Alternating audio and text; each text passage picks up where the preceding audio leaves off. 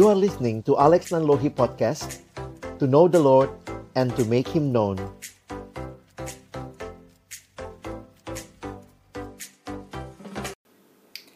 Mari kita berdoa sebelum kita membaca merenungkan firman-Nya.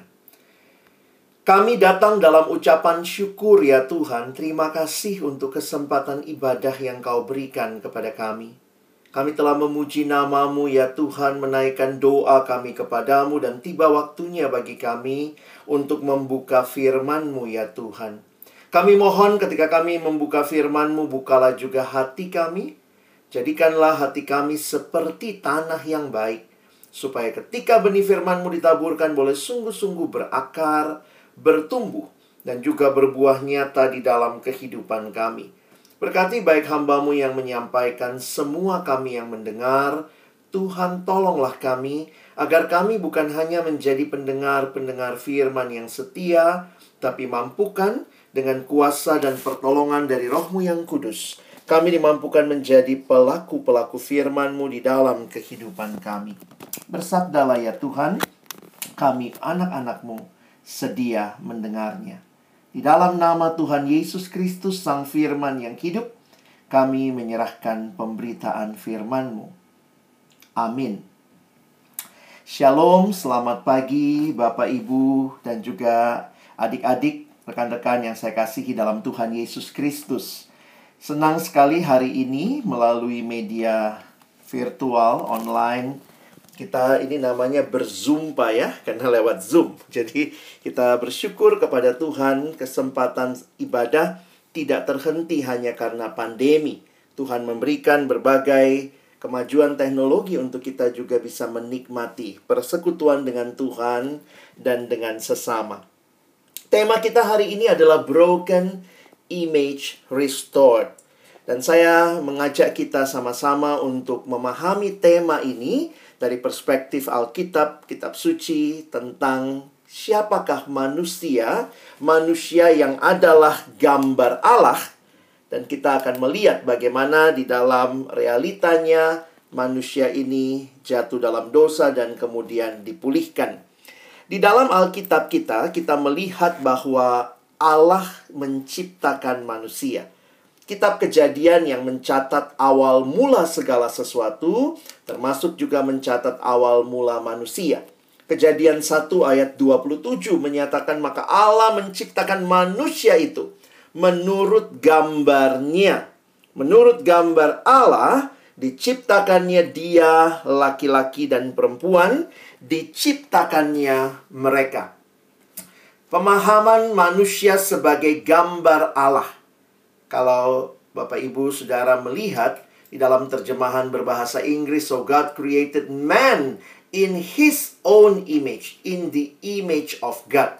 Ini menunjukkan bahwa manusia menjadi puncak dari ciptaan Allah yang dinyatakan bahwa melalui kehadiran manusia manusia menyatakan kemuliaan Allah kepada ciptaan, tetapi pada saat yang sama juga mewakili ciptaan untuk menyatakan kemuliaan kepada Allah.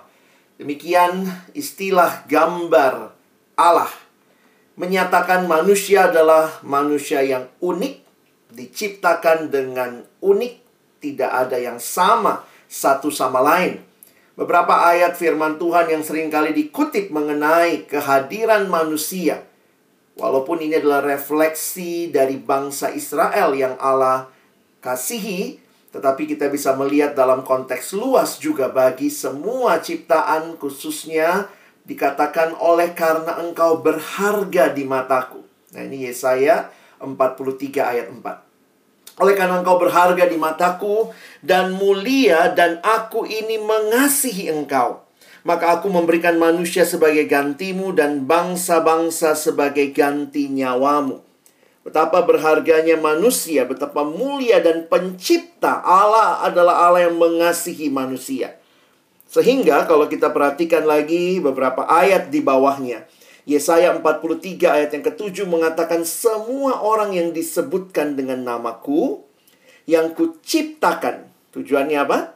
Untuk kemuliaanku. Dan yang kubentuk dan yang juga kujadikan. Sehingga saya mungkin tidak mengulang apa yang uh, Bapak Ibu dan teman-teman sudah pelajari di dalam bagian tentang image of God, tetapi saya coba menyimpulkan bahwa identitas kita, our identity and purpose itu come from God. Identitas kita, tujuan hidup kita itu bukan dari diri kita.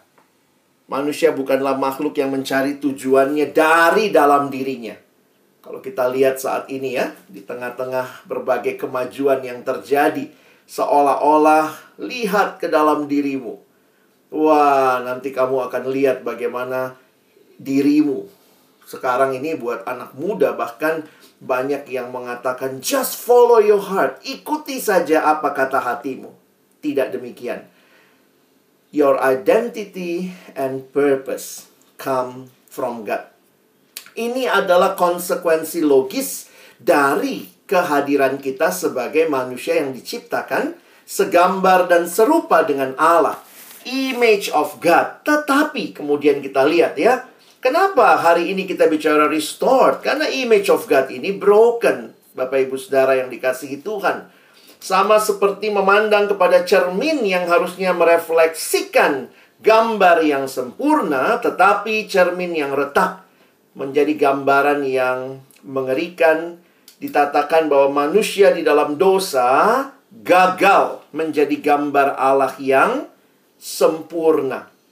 Kalau kita lihat masalah manusia, manusia di dalam dosa, kalau kita perhatikan, ada yang mungkin munculnya dalam bentuk masalah identitas, tapi kemudian saya jadi sadar begini Bapak Ibu ya, dosa ini akarnya adalah eh, dosa adalah akar, merupakan akar dari rusaknya gambar Allah dalam diri manusia.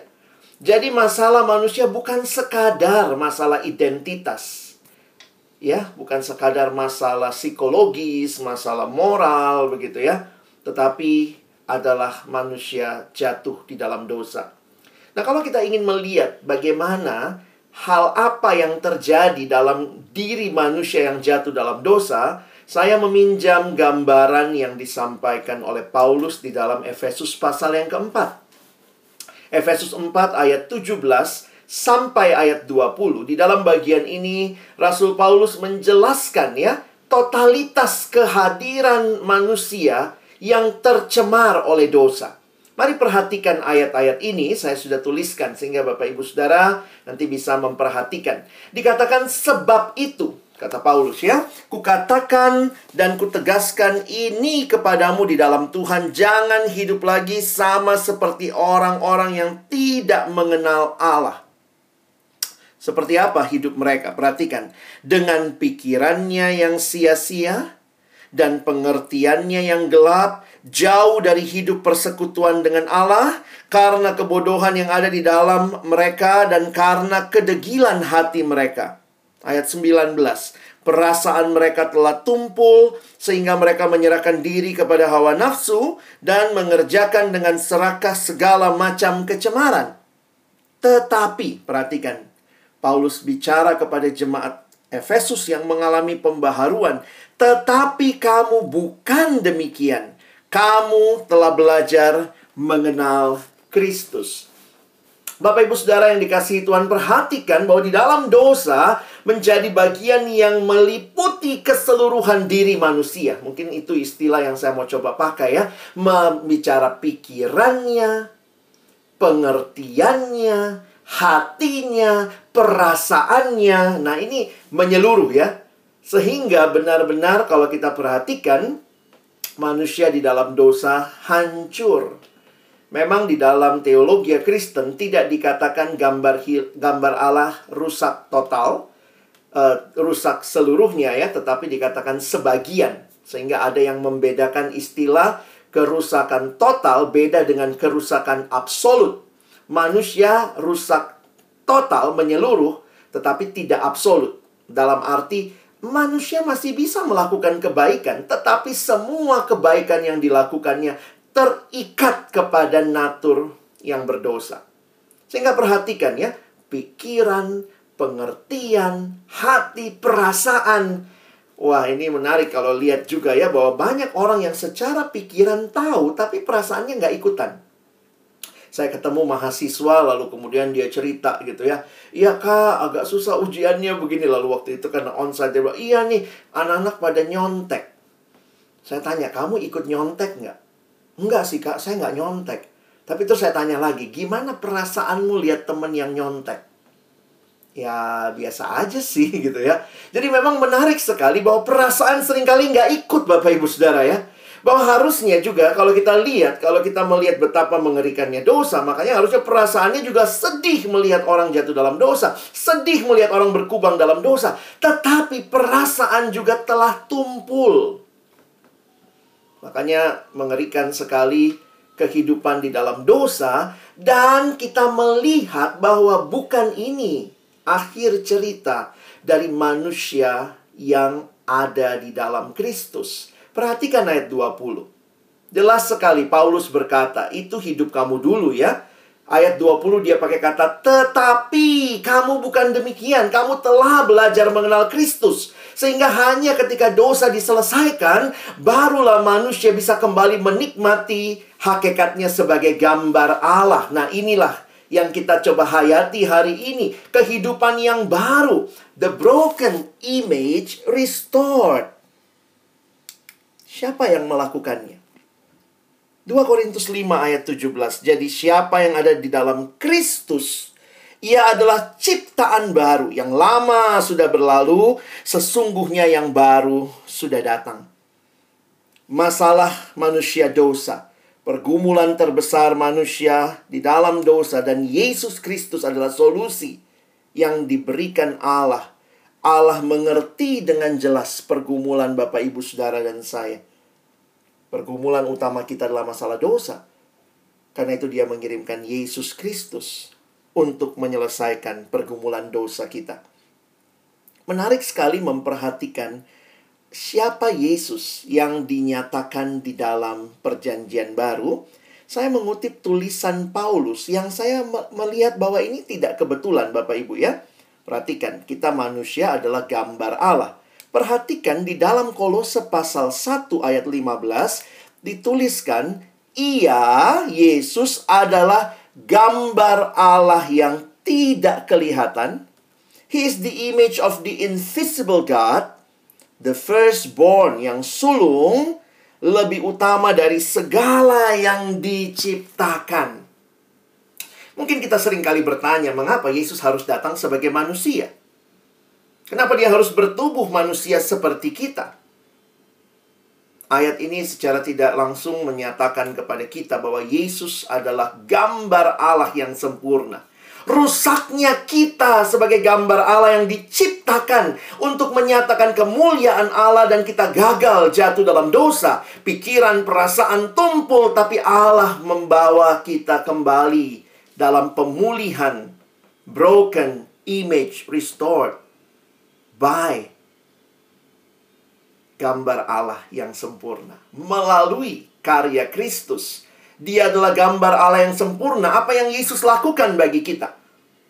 Kita melihat 1 Petrus 2, 24 mengatakan Ia sendiri telah memikul dosa kita di dalam tubuhnya di kayu salib Supaya kita yang telah mati terhadap dosa Sekarang hidup untuk kebenaran Oleh bilur-bilurnya kamu telah sembuh Jadi coba kita simpulkan Bapak Ibu Saudara Ini butuh perenungan yang mendalam Tetapi dalam waktu yang terbatas Mari kita melihat bahwa God's image, the perfect one, Jesus. Sementara kita, God's image yang broken in sin. Bagaimana karya penebusan itu membaharui kita kembali. Sehingga kalau kita simpulkan ya, kita itu awalnya created by God. Lalu kemudian dalam dosa, saya menuliskan partly distorted because of sin. Dan di dalam Kristus, kita being restored in Jesus. Untuk tujuan apa? Kalau kita perhatikan 1 Petrus 2:24 tadi mengatakan untuk hidup untuk kebenaran. Kristus mati agar kita hidup untuk kebenaran Saudara dan saya kembali menjadi orang-orang yang menyatakan kemuliaan Allah, bukan lagi hidup dalam dosa, tetapi hidup untuk kebenaran. Kita adalah image yang di-restored, broken image yang restored for a good purpose, for God's purpose. Paulus menghayati, dia menyatakan harganya lunas dibayar. Aku telah dibayar lunas karena itu Paulus berkata di 1 Korintus pasal 6 ayat yang ke-20. Sebab kamu telah dibeli dan harganya telah lunas dibayar. Karena itu muliakanlah Allah dengan tubuhmu. Ini jadi ingat kayak sekolah minggu ya. Gimana adik-adik? Hati-hati gunakan tanganmu matamu, kakimu, mulutmu. Amin. Ini menyatakan bahwa seluruh hidup yang sudah dipulihkan itu seharusnya bukan lagi melayani dosa, tetapi melayani Allah dengan seluruh hidup kita. Rasul Yohanes dalam tulisannya memberikan penjelasan demikian. 1 Yohanes 2 ayat 6 Barang siapa mengatakan bahwa ia ada di dalam dia Nah perhatikan ya Tujuannya ia wajib hidup sama seperti Kristus hidup. Tidak heran remaja pemuda di Amerika dalam satu gerakan memakai gelang seperti ini, WWJD.